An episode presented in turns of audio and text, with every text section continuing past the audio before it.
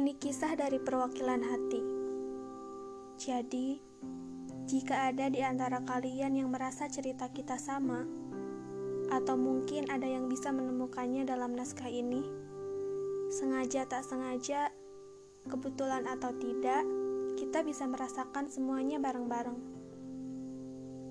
Tenang, aku hanya ingin kamu tidak merasa sendirian lagi. Bumi ini untuk dipijak bareng-bareng, kan?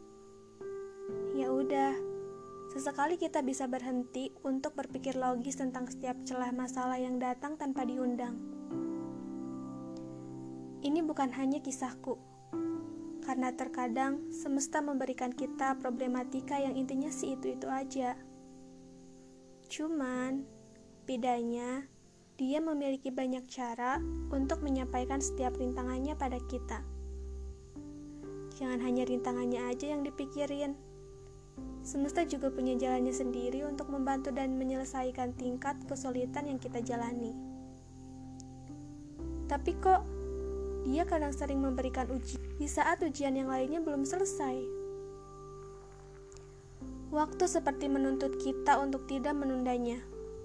Dia selalu ingin kita mengejarnya. Dia selalu ingin kita bekerja. Dia selalu menghantui kita, bahkan di saat kita tak ingin menemuinya. Semesta membuat kita berpikir tanpa logika. Semua ketentuannya harus diterima, bahkan sebelum kita cerna. Ujung-ujungnya, kita membuat semua alurnya direkayasa. Di saat dia datang, kita pura-pura tidak mendengarnya, pura-pura tak melihatnya, bahkan sampai melupakannya. Hayo, sadarlah diri ini. Dengan melupakannya, kita tidak akan membuat dia hilang. Malah itu bisa membuat dia berkembang, menumpuk, dan membusuk. Sampai membuat kita sendiri terpuruk. Yuk, mulai buka hati kita. Dia adalah raja dari setiap sel-sel yang ada dalam tubuh kita.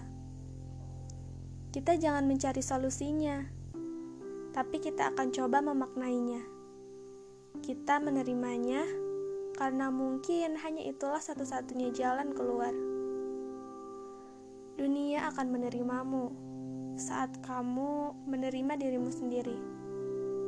Jangan mencari obat untuk hati yang terluka, tapi carilah cara agar setiap yang masuk ke dalamnya bisa diterima. Selamat mencoba dari Num Sawara.